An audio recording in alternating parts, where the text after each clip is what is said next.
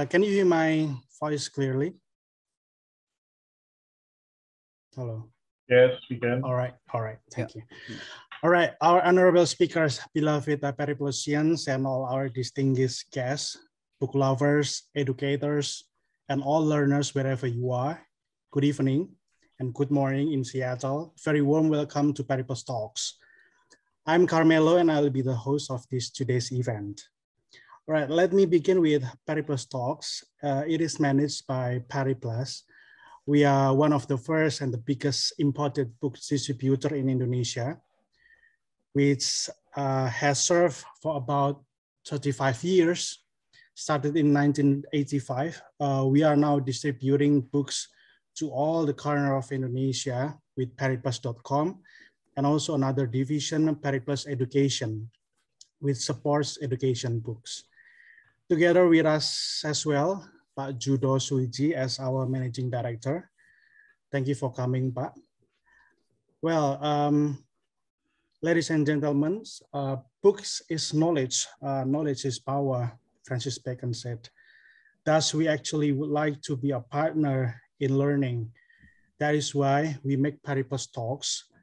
Selected from the best, uh, we invite the other to give enlightenment, to get the same spirit to make a better life. Periplus Talk today is in collaboration with Mark Plus, which has been reputable marketing consulting in Indonesia. Thank you very much. I really appreciate this. Well, we have a similar name, Plus, Perry Plus and Mark Plus. So it's a uh, sounds like perfect combination, isn't it? Together with us, uh, Pak Iwan Setiawan as CEO Mark Plus. So welcome, Pak Iwan. Thank you very much for the support. And our theme today is Working Backwards. It is coming from the title of the famous book written by Colin Bryar and Bill Carr. They are the agent of change for Amazonian and how lucky we are. This evening, Bill Carr is present among us, share one of the secret recipe from inside behind the greatness of Amazon. So thank you very much, Bill. Uh, welcome to Periplus Talk, and we are very excited and very happy with you this evening. And before we go to main discussion, allow me to remind you uh, some points. First, you might keep your video on, but please do turn off or mute your microphone. If you forget, apologize, we will turn it off remotely. And second, uh, there will be a Q&A session, so prepare your good question. Uh, you might put it on the chat box below uh, this event will be delivered in English, but if you want to write the question in Bahasa, you are pleased to do so. Uh, and by the way, we'll give a surprise gift for the first five selected questions by moderator. All right, this talk show will be moderated by Pak Mahendra Kadatu, or we can call it Pak Mahendra. Pak Mahendra is a professional, yet also educator who currently appointed as the Director of Overseas New Business Development and advisor to several public listed companies in business development and innovation. He is also regular columnist at major newspapers and works on few startups. Pak Mahendra obtained his master degree in SEAS Trade and Industry and got the PhD from the National University of Singapore. So without any further ado, please give big round of round of applause to our moderator today. We can use the applause emoticon on the right corner below. Wait, here. All right. Yeah, Pak Mahendra Kadatu, Pak Mahendra, uh, time and virtual room is yours, please. Thank you very Thank much, you. Pak Carmelo. Good evening, everyone. Good morning, Bill. Seattle, 5 a.m. We try to be in sharp yeah. Good morning. Uh, we start uh, the discussions about 90 minutes.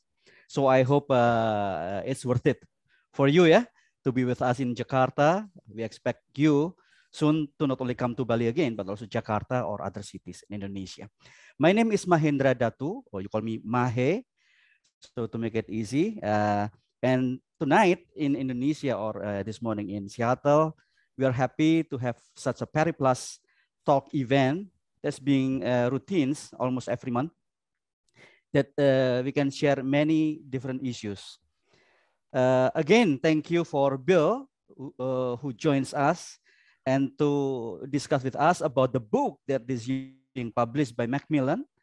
It's a good book. Well, I cannot say a good book. It's a great book. I have read it myself, not yet finished. I can show you. And uh, tonight, uh, we will have Bill to read about not only Amazon itself, but how this book finally arrived in our hands. And uh, not only this, the inside stories and secrets that we would like to know more about how the culture in Amazon is really being shaped in a certain way that finally it becomes one of the largest companies. In 2018, Amazon reached 2,000 trillions dollars company. Uh, 2 trillions, yeah, 2 trillions uh, dollars company or 2,000 billions dollars company, which is uh, only the second after Apple. Such a short time. Uh, then we believe that the presence of Bill Carr today or tonight really help us to understand more about how the secrets being revealed in Amazons by the insiders like Bill Carr himself through the book. I recommend you to get the book after the discussion because uh, we will have more uh, eagerness to know why Amazon becomes such a big company. We have tonight, not only with Bill, but also two other uh, speakers with me. One is Iwan Setiawan, and uh, Aditya Budi. First, I will introduce you. Uh, who are they? Bill Carr, you know, the author, co-author of the books with uh, Colin Bryers, formerly the VP of digital media at Amazon and responsible for the launching of Amazon Digital Music, Digital Videos, and Amazon Studios. And such of uh, the system that uh, uh, Bill Carr developed looks like become a standard in Amazon to create new products and services, including Kindle, Amazon Web Services or AWS, and other things. Bill Carr now uh, working on the helping companies to work backward, just like what the book tell us about. And he's also been uh, involved in several companies like uh, OfferUp and Maveron. So again, thank you, Bill, for coming with us in this evening event. Now we have uh, Ivan, Iwan Setiawan. Iwan Setiawan is the CEO of the Mark Plus, one of the reputable consulting companies in Indonesia. Iwan Setiawan graduated from University of Indonesia and also Kellogg uh, Business School in Illinois, I believe in Chicago, for the uh, MBA. He's now also the uh, editors for uh, the publications of marketeers, both print and online. And he's been working with several companies and also co-authored with Philip Kotler and Hermawan Kartajaya for several books that claim uh, uh international uh, awards. That's good that uh, Paiwan also being with us tonight. Also, we have Aditya Budi. Who is Aditya Budi? This young fellow is really bright. Yeah, he is now the CEO of Premiero, the app-based insurance companies. It's quite uh, uh, growing fast in Indonesia, and it's been uh, quite what's so called active in the global mindset in IT area covering insurance, media, sports, and education industries. He graduated from Bina Nusantara University in Indonesia and master in, in information systems in Nanyang Technological University in Singapore. So three of them will be with us tonight and sharing, commenting, and you know, exchanges ideas uh, in this uh, about 90 minutes event. Without uh, much ado, I will start. Uh, I will start uh, with uh, Bill about the book itself. Bill, can you tell us more about the books? why you finally with Colin Bryars end up to put all your thoughts into this book. Why? How that thing happened? Screen is yours, Bill. Thank you, Mahe. Yeah. So, um, well, the uh, here's how it happened. Um, in um, I left Amazon at the end of 2014, and uh, I spent um, uh, I then recommitted myself to working with early stage companies. So the Amazon that I joined in 1999 was an early stage company. It was a it was only um, uh, four years old at that time, and in fact, and uh, it was it was uh, a high state uh, growth company um, with very few systems and processes in place. Uh, we really had you know one business which was selling books, and we were just starting to have businesses selling CDs and DVDs. So it was a, a young business.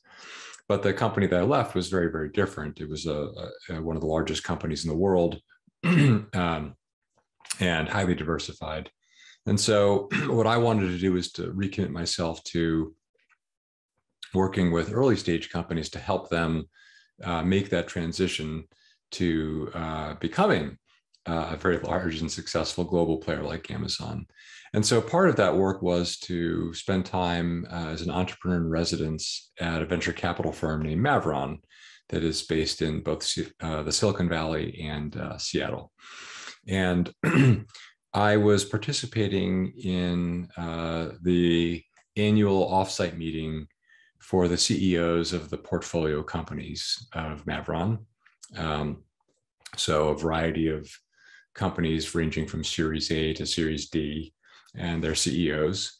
And we were having a breakout session along with um, Howard Schultz, who um, was one of the co founders of Maveron. And uh, if you don't know who Howard is, he was also, of course, the, the founder and CEO of Starbucks Coffee. And so um, in this breakout session, the topic of Amazon came up. And Howard said, Amazon, I don't understand. How does Amazon do it? how have they been able to be so successful in such a diverse set of businesses from uh, digital media to uh, web services to e-commerce to devices uh, we're still working on you know getting our core business of coffee right and yet they've been able to be so successful in this wide variety of businesses so i was sitting in this meeting and i and uh, this this comment struck me and i shared this comment with my friend and former colleague colin Bryar a few days later. And as we discussed it, we realized a few things. The first thing we realized is that this question comes up all the time. Um, it's not just executives like Howard asking this question, it's the press, um, business school professors, really anyone who uh, aspires to uh, be successful in business is looking at uh, a company like Amazon and wondering, well, how have they how have they become so successful? The second thing we realized, of course, was the two of us actually know the answer to this question, um, thanks to our specific roles in the company at a very specific time. We both happen to have a front row seat to this specific transformation process the company went through between 2004 and 2007, where not only were all of the businesses that have now resulted in Amazon's growth were developed in that time, those businesses including Amazon Prime, the Amazon device business that includes devices like Echo and services like Alexa, the Amazon Web Services business, uh, fulfillment by Amazon, and uh, the digital media business like Prime Video and Amazon Music. But in addition, um, the a set of core processes and principles were also codified during this one three-year window, and that these principles and processes were used to build not only those new businesses, but to run the entire company. And we realized that if we could um, define these, distill these, and make them accessible to uh, business professionals around the world, that they could benefit from studying these, learning about these, and actually, if they choose to, apply them to their own business. And so, um, and so we decided to write this book, and uh, we asked Jeff if uh, uh, if he was okay with that, and he was very supportive. So we decided to write this book to really to pass it on to the next generation of business leaders and uh, around the world. All right.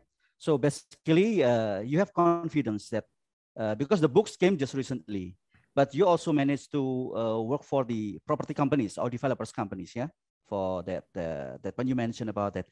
So basically, you are confident enough that working backwards model that you guys doing in Amazon actually compatible in any industries. Is that so? Yes, well, uh, because there's a proof of concept, which is at Amazon. So Amazon uh, is successful in a wide range of businesses, as I said. So e-commerce, um, digital devices, uh, uh Amazon Web Services, and Fulfillment by Amazon, which are B2B businesses. So these are really different businesses. They're not the same at all.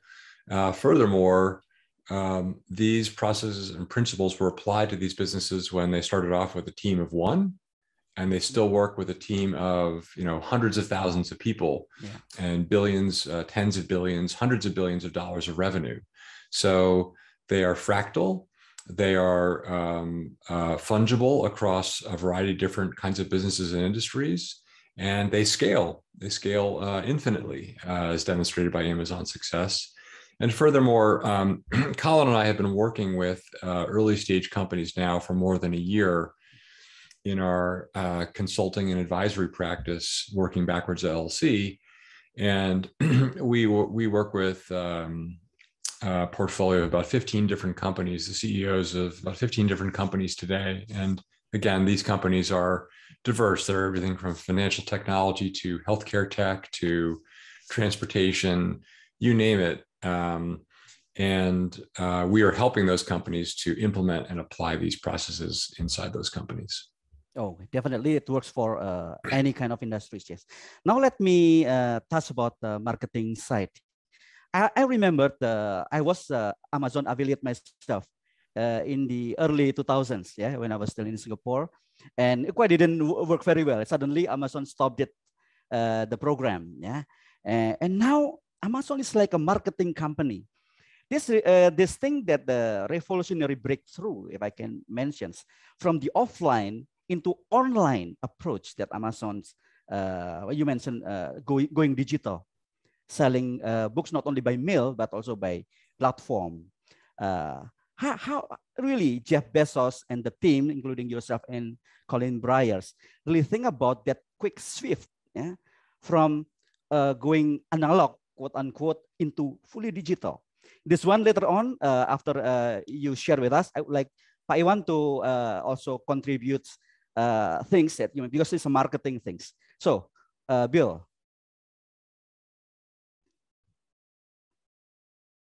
I'm sorry, what was the question? Okay, this is about uh, transformations of how Amazons really have a revolutionary breakthrough, moving from fully uh, analog or quote unquote offline, this mail services. I was myself Amazon affiliate at the time into a fully digital transformations. And how do you see so, that? Uh, what triggered that? So how did we trans? How did we transform our business from just being a physical, a physical media business to a digital media yes. business? Yeah. So if you um, if you uh, um, go back in time and uh, go back to uh, 2004. Uh, Amazon uh, uh, had about $5 billion in annual revenue in 2004. And the vast majority of that revenue was, uh, I think, roughly 80% of that revenue was all physical media. And by that, I mean, you know, paper, paper-based books, CDs, DVDs, okay? Um, and uh, however, uh, there were so there were several problems with that. Number one, um, uh, our physical media business, the growth, the, the largest business was in the United States, and the growth of that business had already started to decelerate. Um, our annual growth rate for that business had dropped down to about 15%, which is not that is not a high growth business, 15% year over year. A high growth business is, you know, 60, 70, 100, 150% year over year. So our business was not going to get much bigger uh, at that kind of a growth rate. The second uh, problem was that the, the writing was on the wall that um, uh, physical, physical media, uh, uh, the media business was about to be transformed because by 2004, uh, the iPod, there already had been one, more than a million iPods sold uh, people were using uh, Napster to share songs uh, digitally. Um, and it was clear that the technology, you know, bandwidth was becoming better. Um, the technology was changing. It was clear that there was a transition that was going to take place, that media was going to become digital. That was pretty clear. Now, what wasn't clear at that time was exactly how this would take place, when, uh, what were the right business models. Um, none of that was clear at all. It seems very, very clear today uh, that you know you should build something that looks like Netflix or Spotify or um, or the Kindle uh, or Audible to be successful in this business. But back then, this was not clear at all. So um, uh, it was not a quick transformation. To be clear, we we actually uh, a lot of companies when they uh, see these signs on the wall, what they would do is is you know make have an, an emergency sort of session with the executive team where the executive leader would say, we need to go launch our own digital music service. Apple's be getting successful there. We need to launch it, launch it now. And take one of their leaders and say, someone within your team needs to go do this, go get it done. And that is not what Jeff did at all. Instead, what Jeff did, so that's a what decision, you know, what you should launch. Instead, Jeff focused on who. And the who decision is who should I uh, put in place to lead this effort because this is not this is not a three month project. If I actually want to build a sustainable business, a multi billion dollar global business here, I need to think long term. I need to think in, in the scale of years, not getting something out the door in the next three months that looks like what Apple has launched. And so instead, what Jeff did is he took one of his most talented leaders, who was my boss at the time, Steve Kessel. And Steve was managing not only the US media business that I was running, but also the media business uh, across the world, uh, as well as some other businesses. He was managing about about 95% of Amazon's revenue. So he was really running the, the largest part of the P&L by far. And so uh, in an unconventional move, Jeff said, Steve, I want you to stop managing that business altogether. And I want you to go off and start a whole new business, build a whole new team for digital media. And this is an unusual or unconventional approach. The conventional approach would have been to say, Steve, find some product manager in your team to build up a plan for what you're going to go do in digital media and manage and run that within the context of your um, uh, existing uh, portfolio of the media business. And um, the reason why uh, this ended up being a very smart decision for Steve, for Jeff to say, Steve, you should work on this full time, is because, um, sorry, someone, uh, uh, could you please go on mute? I hear some background noise there. Um, the, uh, thank you. Mute, yeah? Mute, yeah? Sorry. Thank you. Um, so, uh, by putting Steve on this project full time, this allowed Steve to focus on it completely, to be single threaded focused on the prospect of digital media and to think big about what you really need to do. And one of the uh, over many months of of ideation of sessions with Jeff, with uh, with me, because I came along with Steve to help go build this business, and thinking about what we should build, we we we came to the conclusion that what we needed to build was um, a reading device because uh, digital books were, were was not going to happen until and unless there was actually a great device that people could actually read on.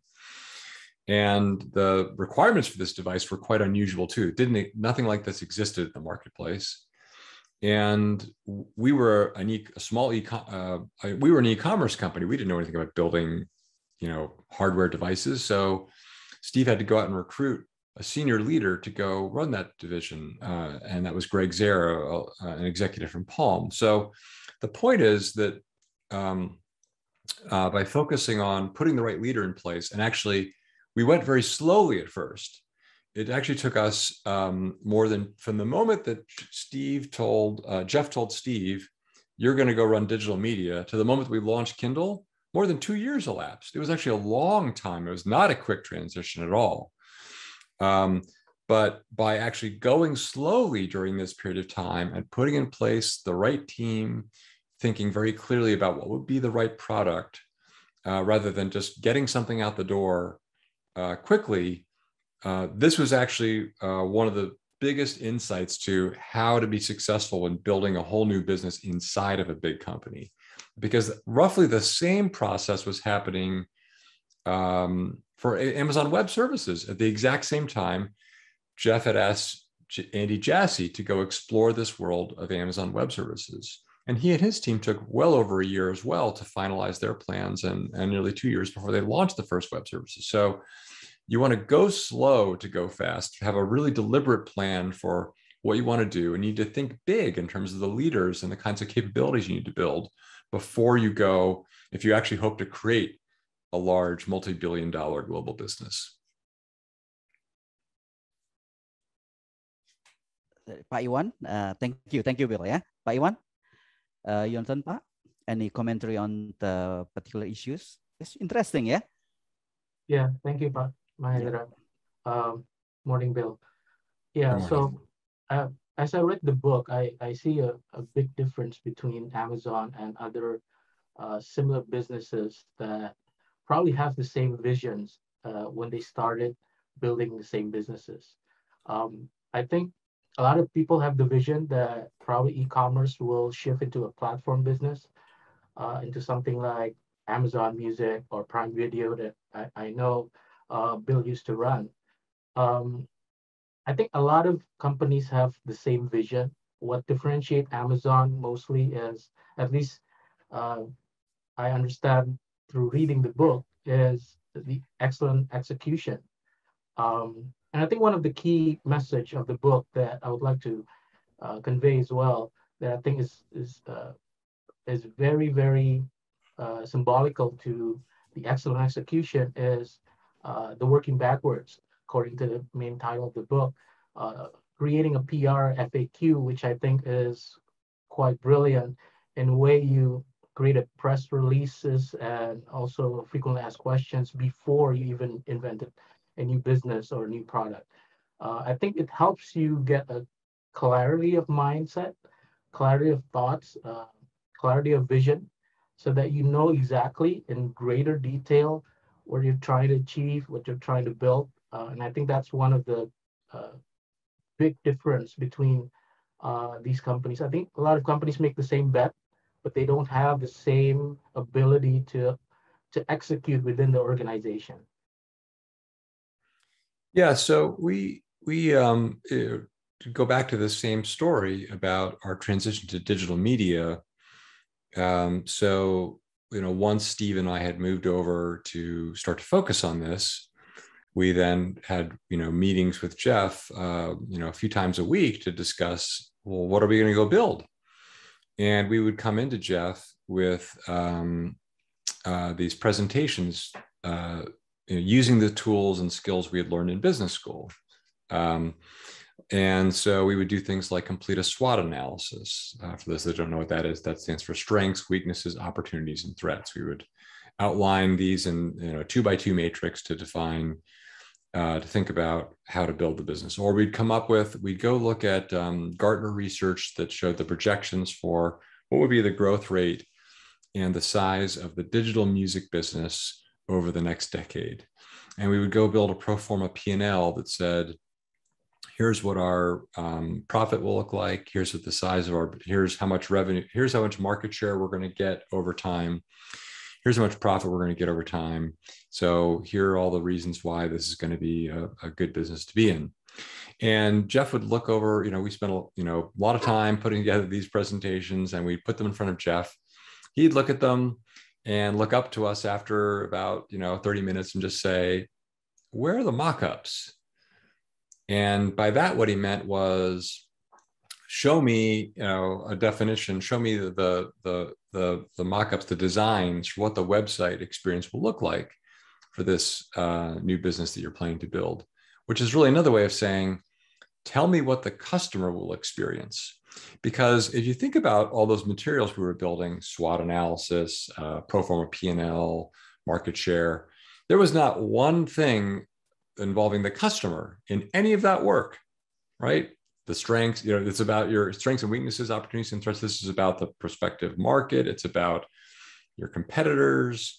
It's about the financial goals. But none of this says anything about actually, well, what are you actually going to build that will create real value for customers? Why will customers care? How are you going to help them? It didn't do any of that.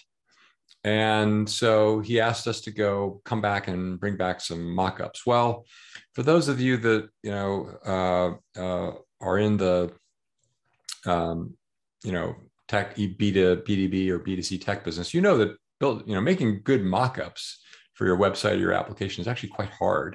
It actually requires a skilled designer. It requires you to spend a lot of time thinking, making decisions about how this product or service will work. And so we tried that, but that didn't yield very good results either. Um, because in many cases, we hadn't really thought through all the details of how this service would work. And so finally, Jeff made the recommendation to say, um, instead, why doesn't everybody go write up a document, write up a, you know, two to six page document that describes what you think we should build in digital media? What would, what would this, what would the product be that you would build? And so there, by this time, there were maybe 15 of us uh, working on this. And so, uh, uh, you know, 15 different leaders, executives, we all wrote up our, our plans, our visions, and then we all read them and discussed them. And then we realized now we're really getting somewhere. Now, with these documents, people could really describe in great detail. If, it, if someone described, you know, a music device, someone described uh, what an e-reader would look like. Someone described what we would do in movies and TV shows. And these documents are really detailed. And we realized we were onto something. And then Jeff wisely took it one step further and said, let's, from now on, let's make these documents um, press releases. And the reason to make it a press release is because normally when you're developing a new product or service, at the very end of the process, the last thing you do is write a press release. And when you're writing that press release, what you're really focused on intently is what are customers going to care about? What will the press care about? Why will people really care about this product? What makes it unique and special that people should get up out of their chair and go buy it? And by doing so, then you're hyper focused on the customer and you can document the, you know, an ideal product to meet their needs. And uh, once you've done this, if you've actually, um, and it takes many iterations, many drafts to do this well, um, because what you have to really do in that press release is clearly define what is the problem you're trying to solve for the customer and what is the product solution that solves that problem. That sounds really simple and really easy. It's actually very hard to do. To make that really simple and clear and actually address a real problem and fix it with a real product that people that will be motivated enough to, to actually buy, um, that's not easy. But once you've done that, then what you need to do is work backwards from that point to figure out, okay, now that I've described this ideal but hypothetical product, what would I actually need to do to build it? What what new technology would I have to develop, or what new technologies would I have to combine together, or what new business model would I have to create, or new partnerships? Um, and that's what's all in the second part of the document, which is called the FAQ, the frequently asked questions that that that asks and answers all of those hard questions, like what will be the biggest challenge in building this product or bringing it to market? How much will it cost? Um, but it does at that point, then then it is appropriate to actually answer questions like, okay, how how large is this market really, and what is going to be the pro forma P&L? What are the per unit economics of the business?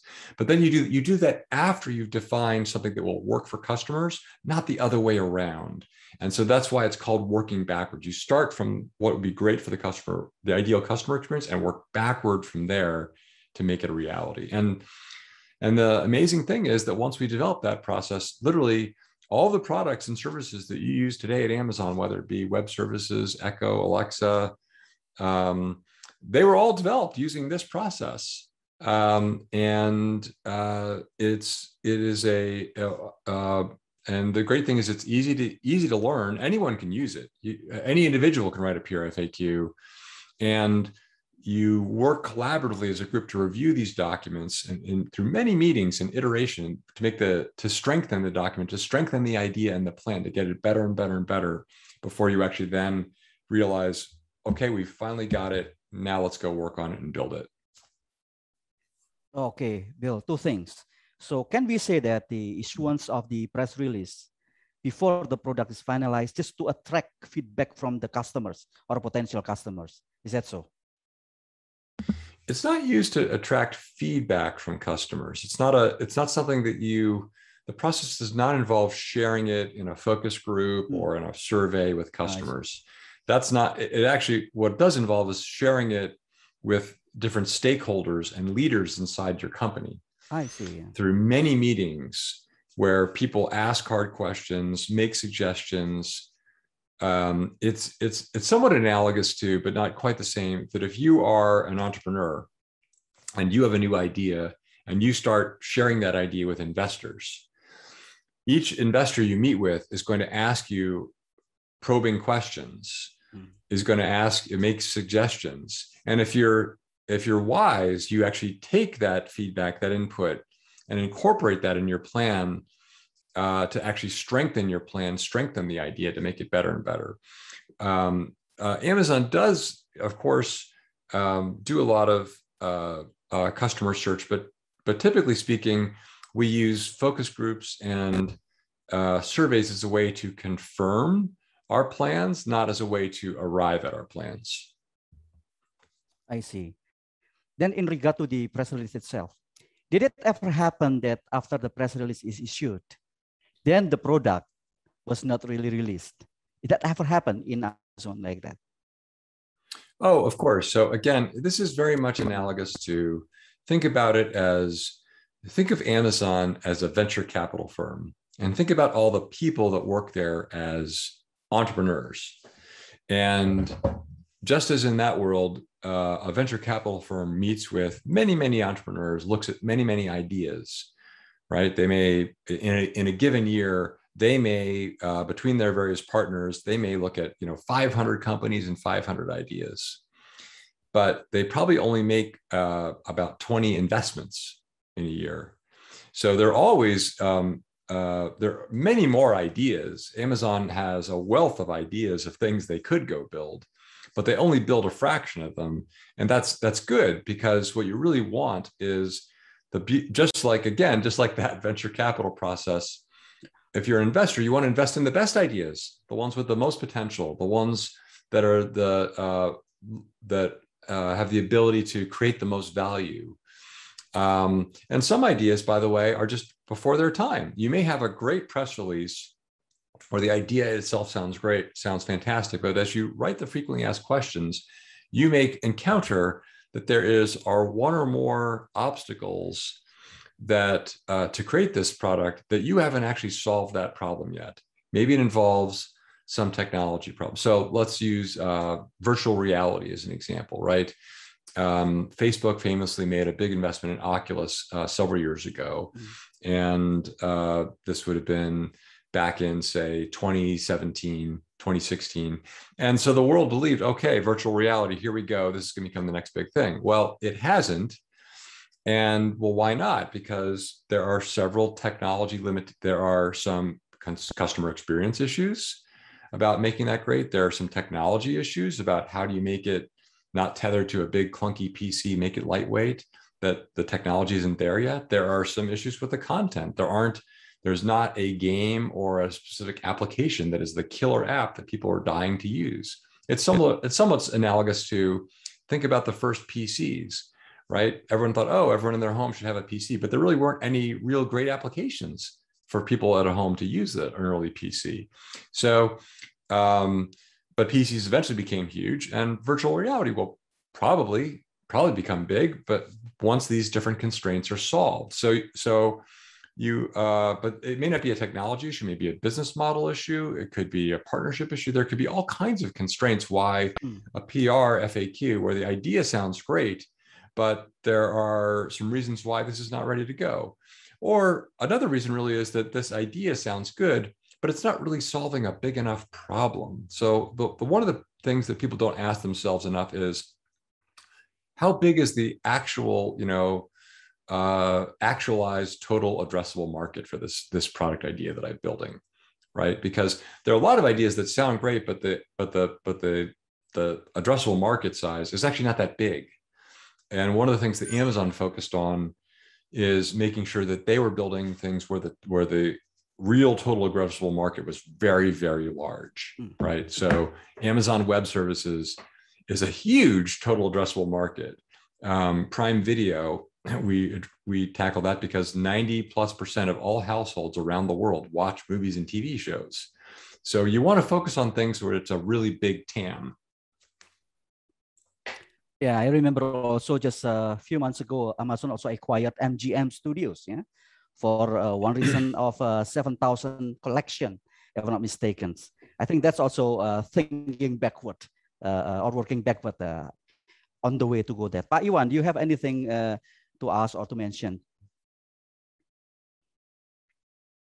Yeah, I think uh, one of the interesting things I felt really strongly about the book is um, the amount of writing that is happening in Amazon. Um, before a meeting, you're expected to create a narrative, six pagers. Uh, you, you should create a, a PR FAQ for every businesses, new businesses or new products. Um, even the feedback for for hiring decisions um, is very detailed um, in terms of the the writing, in terms of the thinking process. Um, and what I like about that is that it's not documenting after the fact. So you're not actually documenting the past.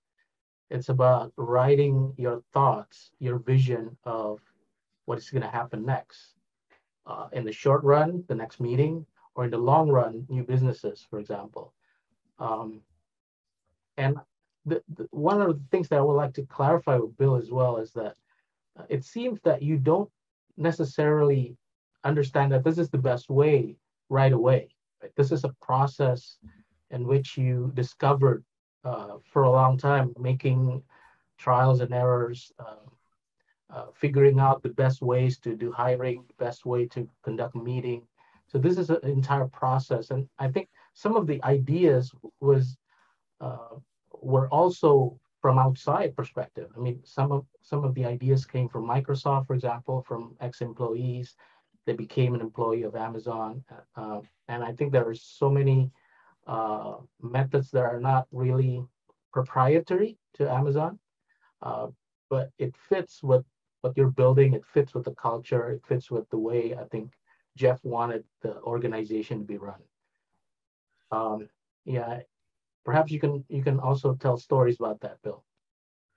Yeah. So uh, the the you know the fact is that uh, we made a transition as a company in uh, I believe it was 2004, either that or 2005, where um, uh, we decided that uh, for internal meetings of the company, um, internal meetings for groups of say, you know, 40, 50 or fewer, not, you know, not when we had our all company, all hands meetings, but for meetings where you're really, you know, make, reviewing a product, reviewing a business, making a decision, uh, discussing a new policy, um, we decided that PowerPoint was not a very good tool for that.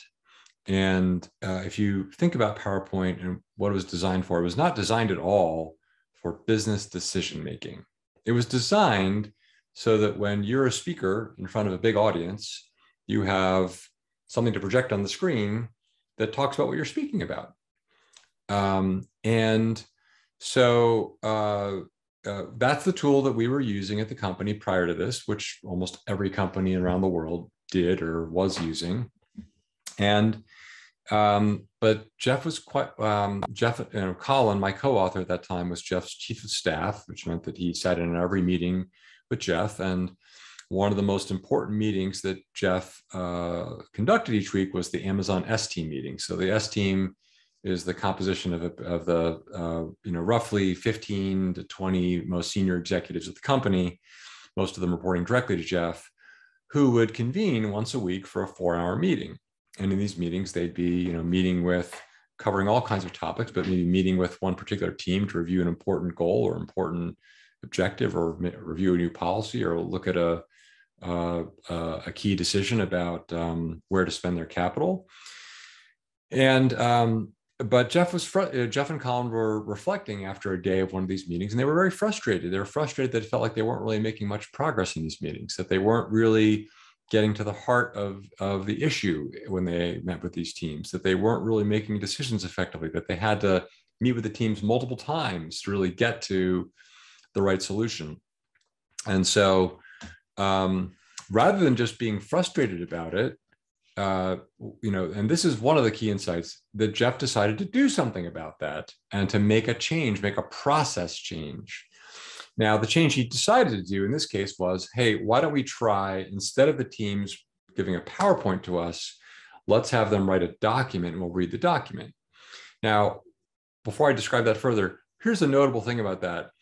If that, you know, he made this decision and they tried this new idea, and if it hadn't worked, no big deal. They could have tried that for a few weeks, a few months, whatever, and then just gone back to PowerPoint. So if it didn't work, it was a reversible decision, uh, which at Amazon we call that a, a two-way door. If you go through the door of that decision, you don't like how it works, you can go back through the door, and it's not a huge cost to the company um, to reverse the decision.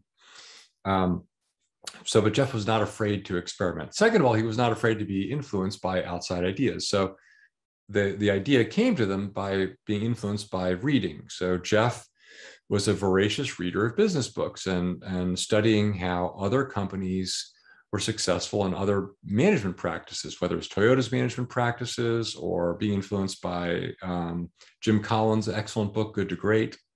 In this case, he was influ- uh, influenced by Yale professor Edward Tufte, uh, who's famous for his books on um, displaying quantitative information. And what Edward Tufte had written about was that uh, PowerPoint really is a poor tool for businesses to make decisions. And it's a poor tool for several reasons. First of all, it doesn't, you know, it, it, it's bullet points, right? It's not complete sentences. It doesn't link concepts together. And if you, and most, most difficult business decisions are, um, have multiple variables to them. And um, to really understand a business problem, you have to take these different variables and you have to actually link them together. And for the audience or the reader, you have to draw the line to them and explain how these different variables actually relate to one another that then inform a point of view. And PowerPoint's not, not a good tool for that at all. PowerPoint also, um, typically the way PowerPoint works is that someone is making a presentation, they're making a pitch they're selling you on something, right? And in many companies, this is the culture where it's a I am selling this idea to management and I want to win and have them agree with my idea. Now, there's a couple problems with that. Um, if you are if you're the person who's selling the idea, it means you're likely to want to hide the reasons why you shouldn't do this thing because you're just looking to get a yes or approval. It also means you're not really looking to encourage a discussion or exploration about the pros and cons of this idea. You just want to get someone to say yes and approve it. And uh, whereas in a document uh, um, that's sort of more where you have more of a scientific mindset, you're actually laying out facts and contrary facts as well. You're actually um, doing something that we described at Amazon called truth seeking. And truth seeking is an extremely important uh, uh, element of how Amazon has been successful. Because if you're truth seeking, you're really looking to understand an idea and understand like what are the flaws with this idea or this plan, as well as what are the pros. And if again, if you read great business um, writers over time, you know Peter Drucker being the preeminent business um, author of the 20th century, he writes about this too, where the really the role of an executive management team is to understand an issue from both sides, and to have good arguments for and against things, to really understand an issue completely.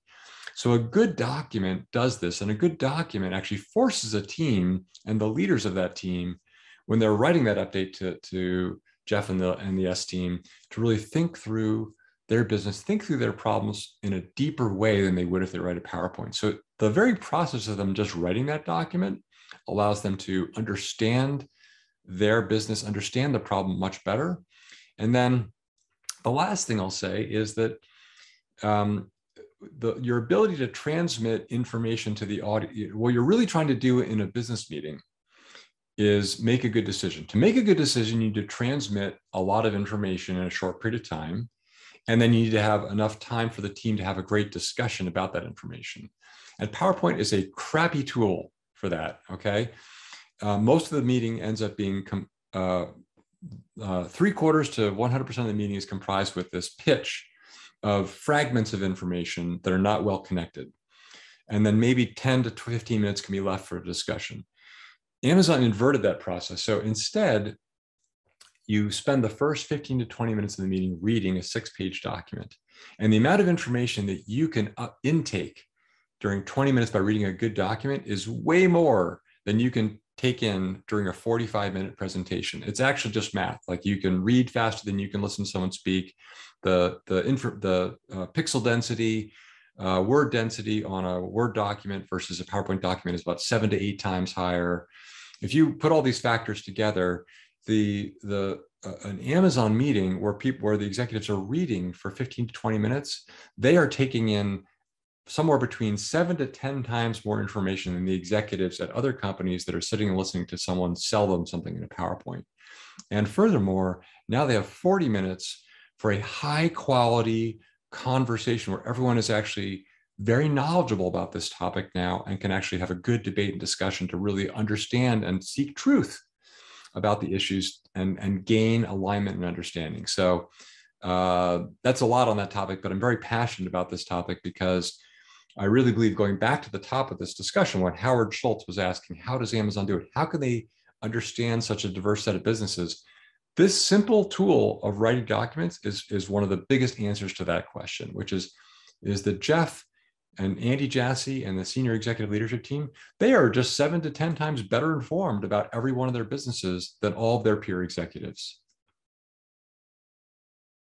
All right. Thank you very much, Bill and Pa Iwan. We have uh, with us uh, now is uh, Aditya Budi, the CEO of Pre uh, Premiero. Uh, we also we also would like to hear what he's gonna say is about uh, Amazon and the books itself. Pak Aditya, screen is yours.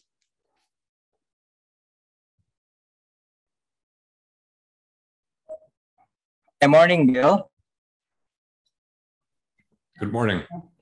Morning, everyone. So yeah, um, after reading your books, uh, which is um, 2014 and 2021 is actually seven years apart. And to be honest, it's still relevant to us and relevant to me uh, by navigating Premiero. So the, the motto of uh, go slow to be fast by putting the customer obsession is uh, the first strategy is uh, basically is uh, one of the something great difference compared to the other uh, normal startup company in Indonesia strategies. So many many startup companies in Indonesia they they tends to burning VC's money for only for getting a, a numerous leads, right? But sometimes they forgot to to hear it back from their customers. So that's the thing that uh, we at Premiero try to avoid. So even though our core business in financial sectors that very, very highly regulated, so we always put our customers as our topmost priorities, right? And eventually it, it goods um, because it helps us to shape our operationally and and the best part uh, we we take the PNL seriously, right? So by understanding the, the concept of the working backwards that you have mentioned earlier, right?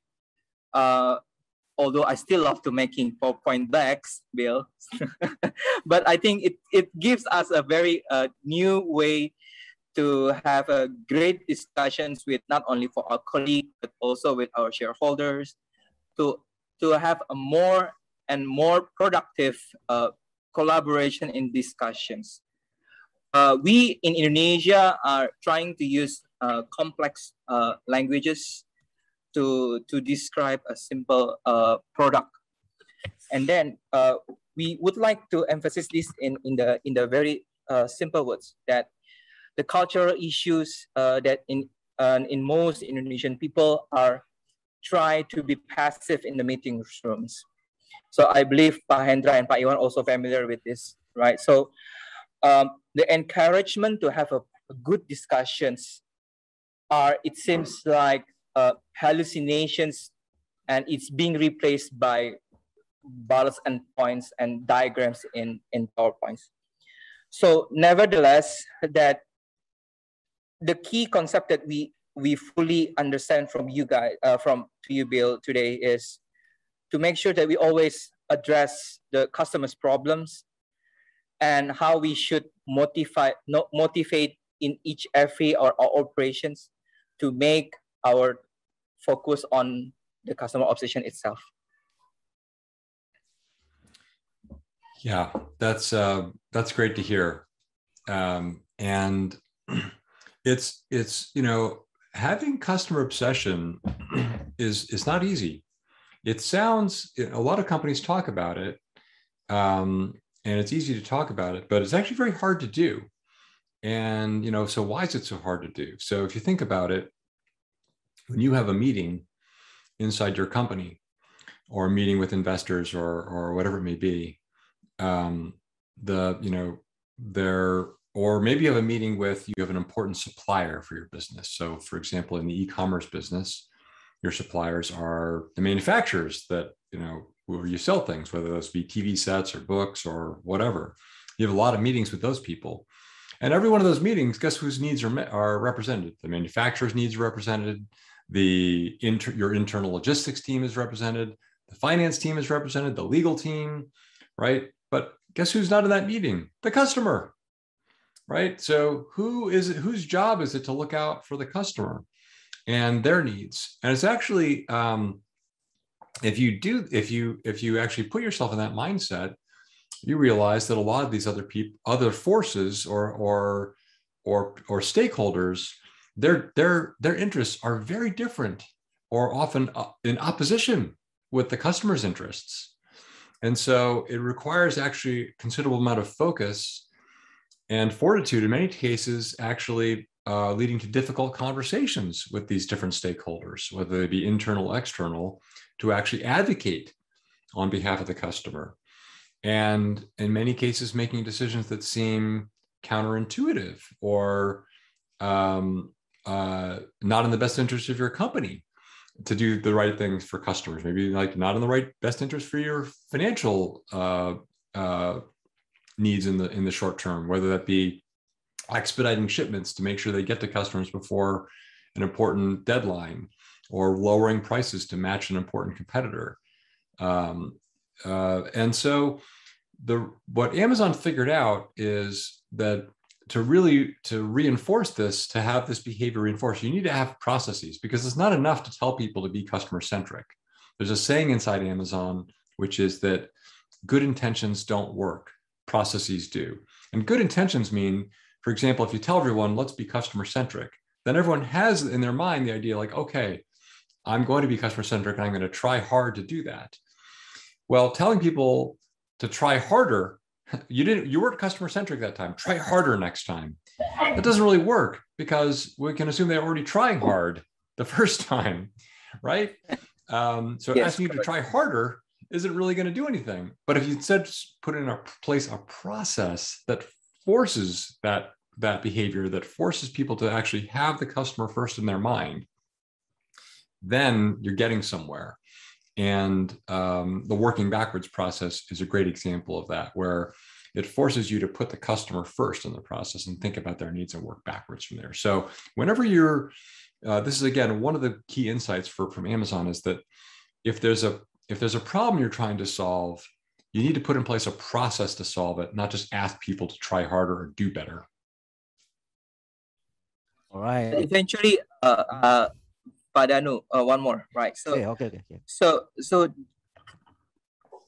uh, Bill, so how do you see, how do you see, right, and how to encourage younger generations, right, that has been so familiar creating decks and their language capabilities or maybe the, their expressions to writings, right, is far, far, far away from the the habits, right?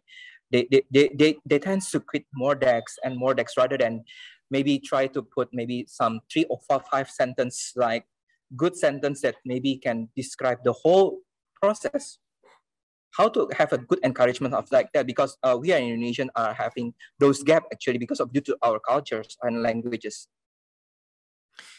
Yeah, so a few uh, good, really good question. I have a few thoughts on that. First of all, Amazon is a global company, and so we had teams all over the world. Um, I managed teams uh, in China, Japan, Germany, the UK, France, you know, many, many countries around the world. And so, of course, in most of those countries, people's first language is not English. Uh, yet they were required to write documents in English for presentation to senior management at the company. Um, so this is not easy, but I um, but once people worked at this, I, I read many many documents from people whose English was not their first language, um, or in some cases people who were highly technical, software development engineers, machine learning machine learning uh, engineers, scientists, and these people uh, with with the right focus and dedication, they off they wrote some of the best documents that Colin and I ever read. Okay, so it can be done. The second thing, so how can you do it? Um, people need to have a growth mindset, right? Um, just because you are uh, you're not in university anymore, you're out in the business world, and you've been doing something a certain way for a certain period of time. Just you know, step back and reflect on that to say, are you saying you're never going to learn a new skill or a new capability? Um, you should constantly be looking to learn a new skill and new capability. And writing is, by the way, something that I'm sure you did in high school and university. So you can do it, but it's a skill that you'll have to come back to and work on. Um, and then finally, what I would say is that these things, like writing documents or the processes that we describe in the book, they're much like um, someone that decides that they want to, to complete a marathon or a triathlon or some new difficult challenge. Maybe they've never done one before. The reality is that anyone can do one of these things, right? You can, if you've never run a marathon in your life, like if, if you want to, you can do it. But what does it require? It requires you to be dedicated. It requires you to learn new skills and it requires discipline that you will have to get up every day and go work out, train, and run. And these processes are no different. Uh, as Jeff often would say to people who would ask him questions in a meeting, basically saying, asking a question like yours, but saying, you know, this is really hard. As Jeff would often say, I never said this was going to be easy, right? And I was, so I also tell people that if you want to change the world, if you want to make a real difference, like it's not going to be easy. It's going to be hard. You're going to have to actually uh, push yourself, learn new skills, uh, develop new capabilities. And um, you should embrace this. This is this is good. This is growth. This is how you grow as an individual as a professional. And so embrace uh, new challenges embrace change. Don't say that's not how i do it. All right. Thanks uh, thanks bill. Uh, bill we have already uh, several questions. Yeah. And everyone please note that uh, we have five gifts yeah, for you for the best five questions. Uh, let me start uh, these questions. I think it's for Bills. First question is, that's from Maria. Since Amazon become marketplace, how does Amazon manage their huge merchant? Oh, very short question. Yeah. Since Amazon become marketplace, how does Amazon manage their huge numbers of merchants? Okay.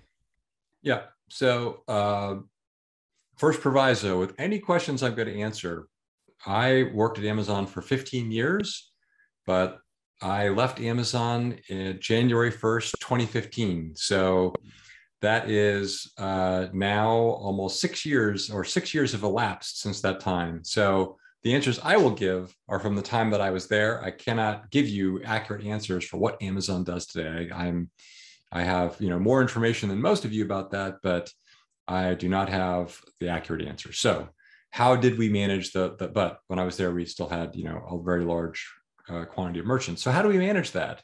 So, you have to think about any of those things with a system or a process. So, first and foremost, um, uh, if you go on to, if you sign up to become a merchant at Amazon, you'll see that there are a number of, of guidelines, uh, rules uh, in many cases, performance SLAs, right? They, the merchants must be able to, to accomplish certain things. They must be able to, when they get an order, they must be able to ship out the order in you know, a certain period of time. They must be able to support a customer return. There are a number of requirements that a merchant must meet if they're going to join the program. Okay. Now, obviously, Amazon doesn't have the ability. Uh, Amazon created a self-service portal, like any merchant, and you can go sign up to become a merchant tomorrow at Amazon. But Amazon, you know, isn't going to check all those things before you start selling. So you start selling, and then Amazon has to have a way to monitor and, and measure whether you are whether each merchant is meeting those performance guidelines or not. Okay, so they've put in place systems and processes to measure those different SLAs. Um, in addition, they've put in place um, a, rating system, right? So it's a marketplace. So what's the what's one of the best ways for you to manage any marketplace? It's to have customers be able to rate the different merchants in a marketplace. Um, this is not a novel idea. This is true on marketplaces like eBay, um, uh, which was the which was a bigger marketplace than Amazon was. Marketplaces all around the world. Um, uh, I believe you know Carousell is a marketplace in Southeast Asia that you may know of. You know they have this capability too. Like if you're a seller on that marketplace, you get rated, and so the customers can see, uh, and customers can give feedback on all these different uh, elements of the, the the merchant. And so this this information is used for for new customers to make decisions about whether they want to buy something from this merchant. But again, the company can use that information to decide what which items they show from which merchants too. So there are a number of different tools that they have at their disposal to uh, effectively manage this marketplace. Okay, thanks, Bill. Second question from Aditya Raharja. How Amazon deal with stakeholder expectation on immediate return and learning cost as there will be failed product and services? Shall I repeat? Yeah. Okay. Okay. Yeah. So um, the first thing is that if you want to invent new things, um, the first thing you need to do is to realize and accept the fact that there is no such thing as invention without failure. That doesn't exist. If if if, if in fact everything you invent works, then you are either unbelievably lucky or it's not really invention. You haven't really actually created something new. You've just been copying things that other people have built. Okay. But when you're actually creating new things, if you look at the most inventive, uh, true inventors or true inventive leaders, they have many, many failures. So if you look at Steve Jobs, who's obviously one of the most um, successful product innovators, inventors, I don't need to list for you the number of un- failed products that he had. Um, many of you may be too young to remember, but you know, Lisa or um, I can't remember the name of the product that Apple had that was trying to be a, like a, a, a personal, um, uh, sort of an early leader to a smartphone or tablet. They've had many, many failed products over time. Um, Amazon too. Fire Phone is a huge failure and many other failures that you all don't even know about or forgotten about long ago. And I failed many times in my role as a leader at Amazon, launched many products that, that did not work. Okay. So the first thing is you have to accept that those two things go together. So if you don't like to fail, then don't get into the invention business because you're going to fail a lot. Okay. But um, there are different types of failure. Um, there's failure from and i you know did you have the right idea? Or there's failure from an execution point of view. And you know execution failure is not the kind of failure that you want to tolerate. Execution failure is a is a manageable thing right? You don't um, execution failure just means that you and the leadership didn't manage a process correctly. Um, and that shouldn't really be tolerated. Like uh, and anyone that uh, has execution failure and doesn't learn from that failure very quickly uh, as a whether they're an individual contributor or a manager um, you know that's a different story. That's a performance problem. But when you come up with a, an idea everyone agreed it was a good idea and you tried it and it didn't work that's that's just innovation failure. And what you um, that's that's okay. That's going to happen. But you also want to learn from that. You want to look at okay well why didn't it not work what assumptions did I make up front that proved not to be true. Okay, so to get better as an inventor, to get better as a leader, you have to learn from your failure. In fact, um, I would argue that um, one of the reasons why I was well prepared when I got into Amazon was because the company I'd worked at beforehand was a failure. Uh, we had a product that never found product market fit. And I learned what, what does it mean to launch a product where everyone thinks it's a great idea inside your company, but it really does, does not uh, meet customer needs in a meaningful way. And if you've never had that experience, it's very hard for you to actually design great products for customers because there, uh, there are really important learnings you get from failing to meet um, customer needs with a new product. All right. Thanks, Bill. Uh, question uh, number three from Hugo Indratno. Uh, I'll, I'll, try to summarize this. Uh, I work as educational technology integrationist as something new still for Indonesia. When you told us the story how you start things with the end ideas, seems similar with the backward design in education. I have to prepare all the scaffoldings for my students. My question, how do you manage in your team to align ideas? So alignment is a very important concept and there really are um, two important tools that Amazon uses. Uh, this is going to sound very basic, but now that I've worked with a lot of early stage companies, they don't actually use either one of these tools effectively. The first tool is Amazon writes documents. Okay. So if you want everyone to agree on a plan, whether it's here's the new product we're going to go build, or here's the specific operating plan, you know, here's the work we're going to do for next year to be successful, to meet our financial goals, whatever that is, if you write a comprehensive document that really in great detail describes the plan, describes the product, describes what you're going to do, and then if you meet with your leadership team, with the different stakeholders, and everyone reviews these documents, asks hard questions, uh, gives probing suggestions that then the, the owners, so the authors, then go and take with that, take that information, update their document, make changes, and come back and you review it again. This iterative process of meeting, review, discussion, and alignment, it's an iterative process. You have to in many cases, you may have to have several meetings and several reviews of a document before everyone is like, okay, great. Now we all agree this is the right plan. This is, uh, it's documented here clearly. So we all understand and agree what you're doing. Um, now we have alignment. Where a lot of companies, uh, early stage companies, fail to meet this that I work with is that uh, they describe their plans in a few sentences they describe it in a few bullet points. They describe it in an OKR that's, you know, two sentences long. That's that's not alignment. That's just describing at a high level uh, a particular objective or a particular initiative. But there's a whole lot of detail about what you're going to do that goes behind that. And if you want to be aligned before you do the work, then people need to actually understand like what is that detail? Exactly how are you going to do each one of these things? and the people have a chance to actually read it and agree to it and get aligned. So what Jeff would do, and this is this is again one of the areas where Jeff and Amazon uh, achieved complete mastery.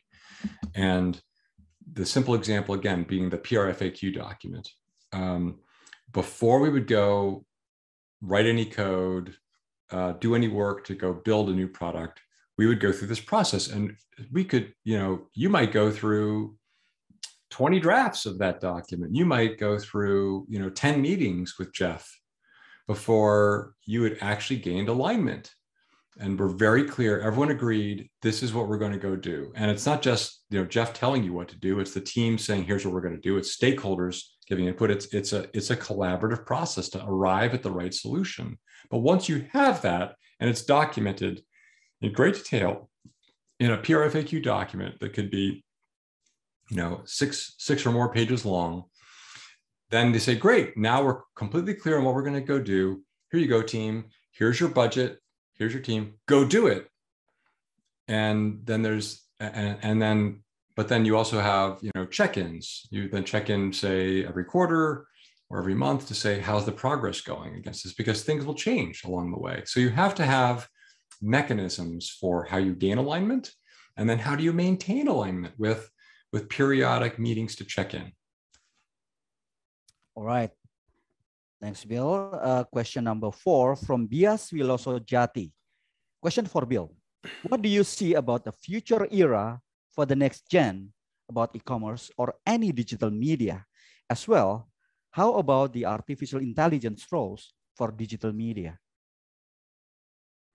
Well, that's a very broad question. And, um, uh, you know, if I knew what the future was for any one of these businesses, then, you know, I, I would be um, a very wealthy man. It's pretty hard to predict the future. Um, it's easier to invent it, as uh, uh, a famous uh, uh, leader once said. But um, I will say that uh, artificial intelligence, AI, machine learning, data science, this is one of the technologies that is going to be, you know, really transformational to not just business, but you know, life as we know it here in the 21st century. Um, the power of machine learning is is incredible, and you can apply uh, machine learning to you know so many different problems, uh, business problems, customer problems that to, to you know uh, uh to make real strides and improve it. Um, so uh, you know there are many new technologies that are exciting. That's that's one of them. Um, but um, sorry, I'm not really in the prediction business. I can't tell you sort of what's going to happen in in um, in uh, in this world in the future.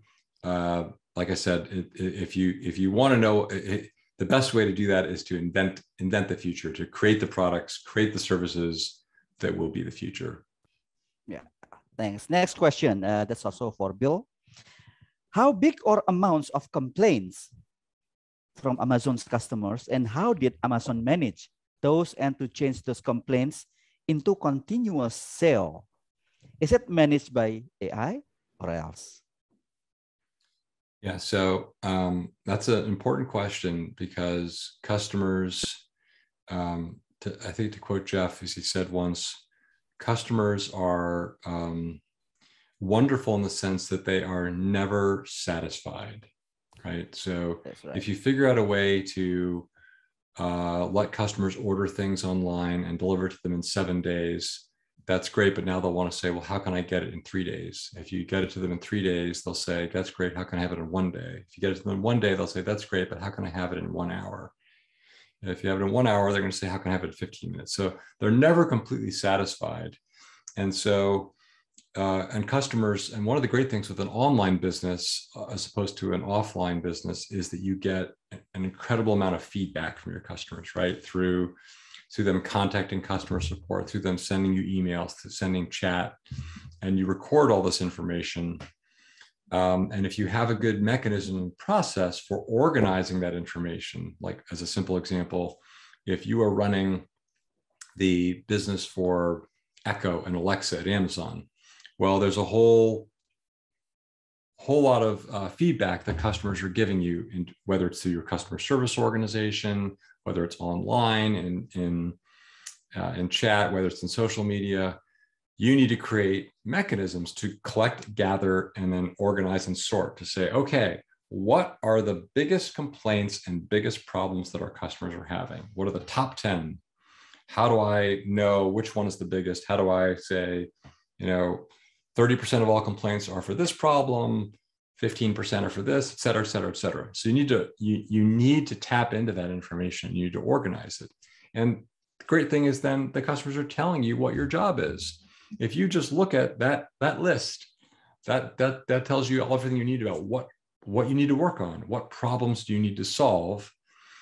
Um, and that part is actually all not that complicated. Then the hard part is figuring out how to solve those problems and that's where invention comes in. So, a simple example that doesn't seem complicated today, which was that we knew from the early days what do you, you know, what do customers not like or what would cause them to shop more often on Amazon? They don't like paying for shipping, right? Um, that was very clear to us early on. Figuring out how to solve that was not so easy because if you can't just give them give it the, the shipping for free, that costs you a lot of money. So how do we pay for that? How do we create a program that solves that? And we tried many, many, many things before we got to a good solution, which was Amazon Prime. Uh, but yes, tapping into all kinds, all forms of customer feedback is critical to your job as a leader and focusing on that and organizing that and then coming up with a plan for how to solve each one of those problems. All right.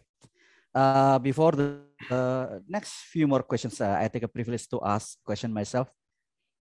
Hello, uh, is that okay, uh, Bill? Regard, yes. Regarding to the five, uh, six principles of the Amazonians, you mentioned already some of them, but uh, I'm curious about uh, what is the standard of recruitments for the new staff in Amazon? Because you mentioned on, on uh, one of the Amazonian principles. What is the standard? The standard for recruitment when you're when yes. people are interviewing and uh, at Amazon, how does Amazon decide what's the standard for how who they should hire? Yes. Yes. Because so, it's mentioned uh, you hiring to progressively raise the bar. You mentioned about that, right?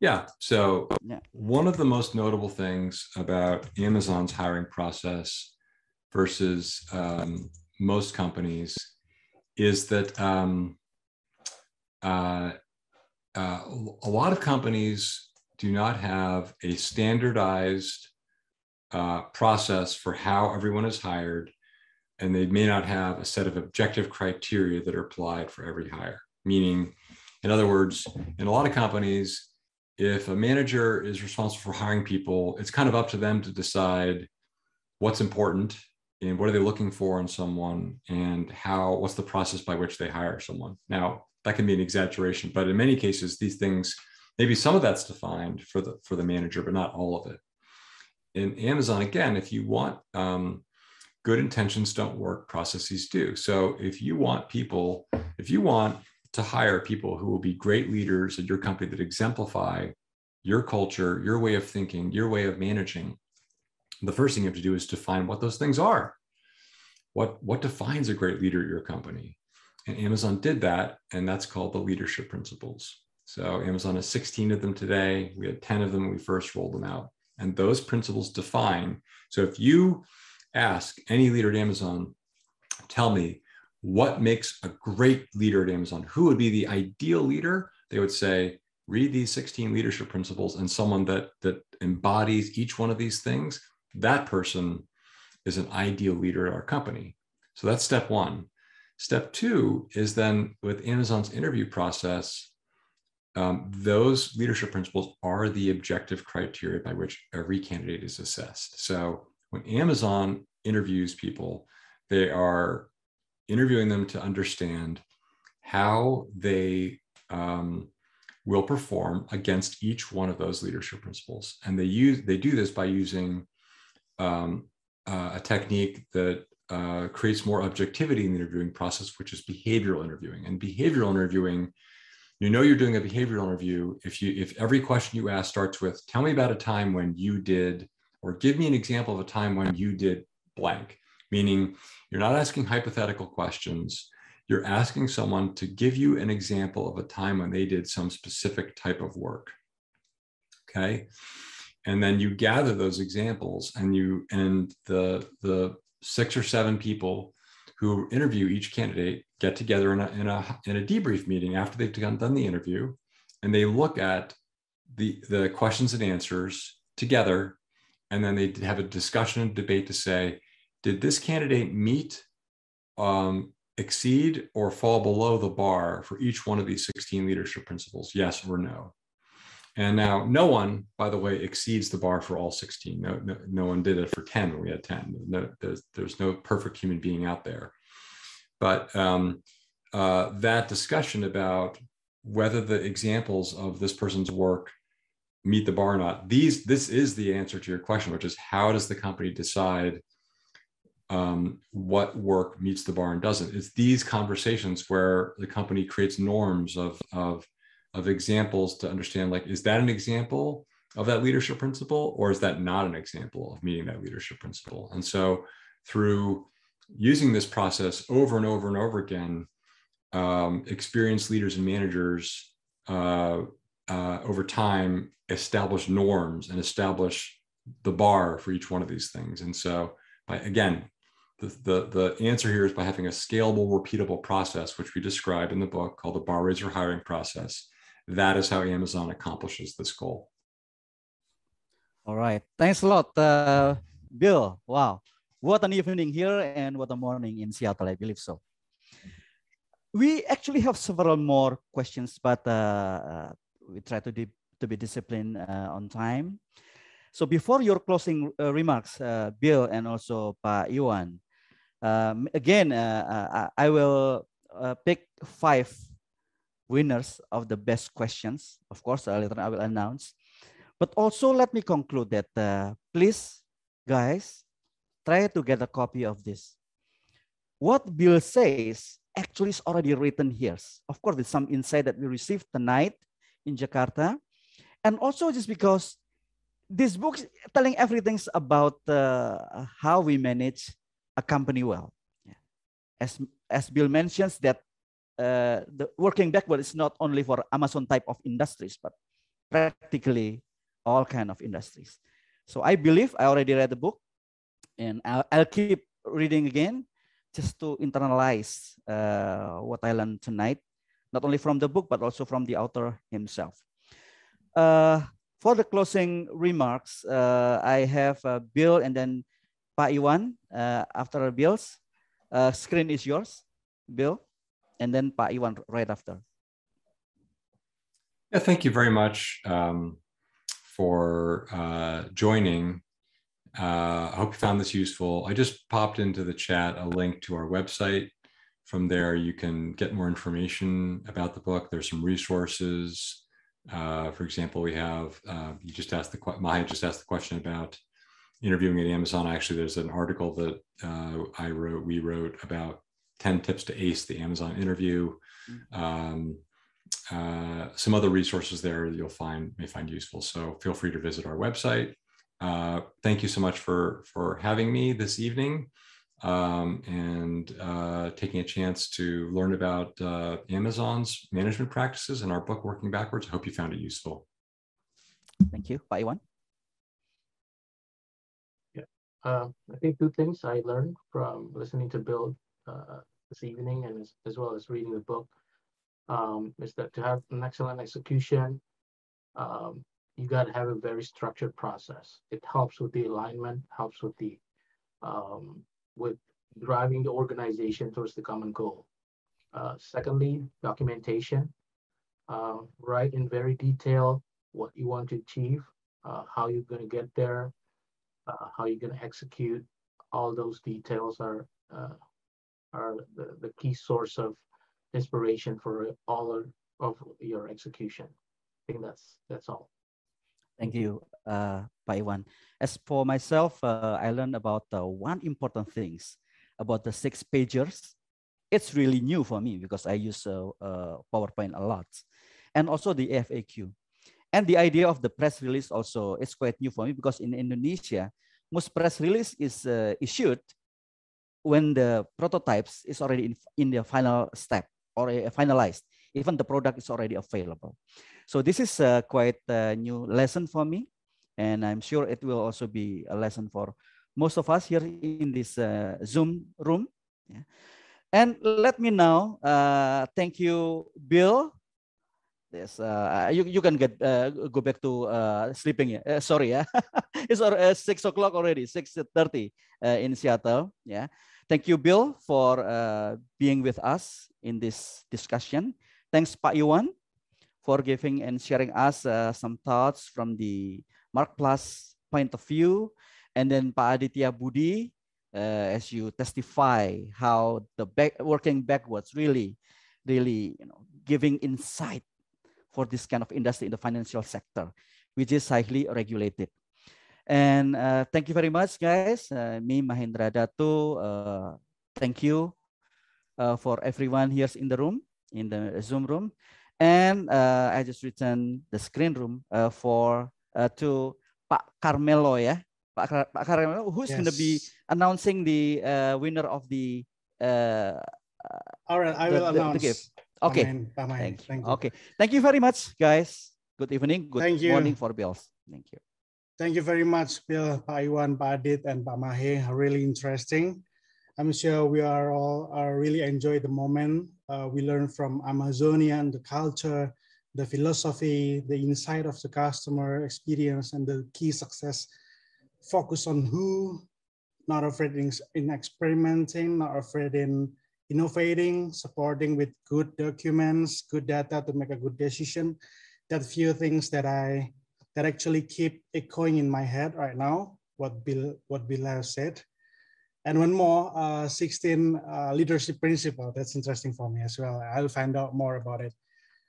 Uh, Bill, as our appreciation, we'll send a book.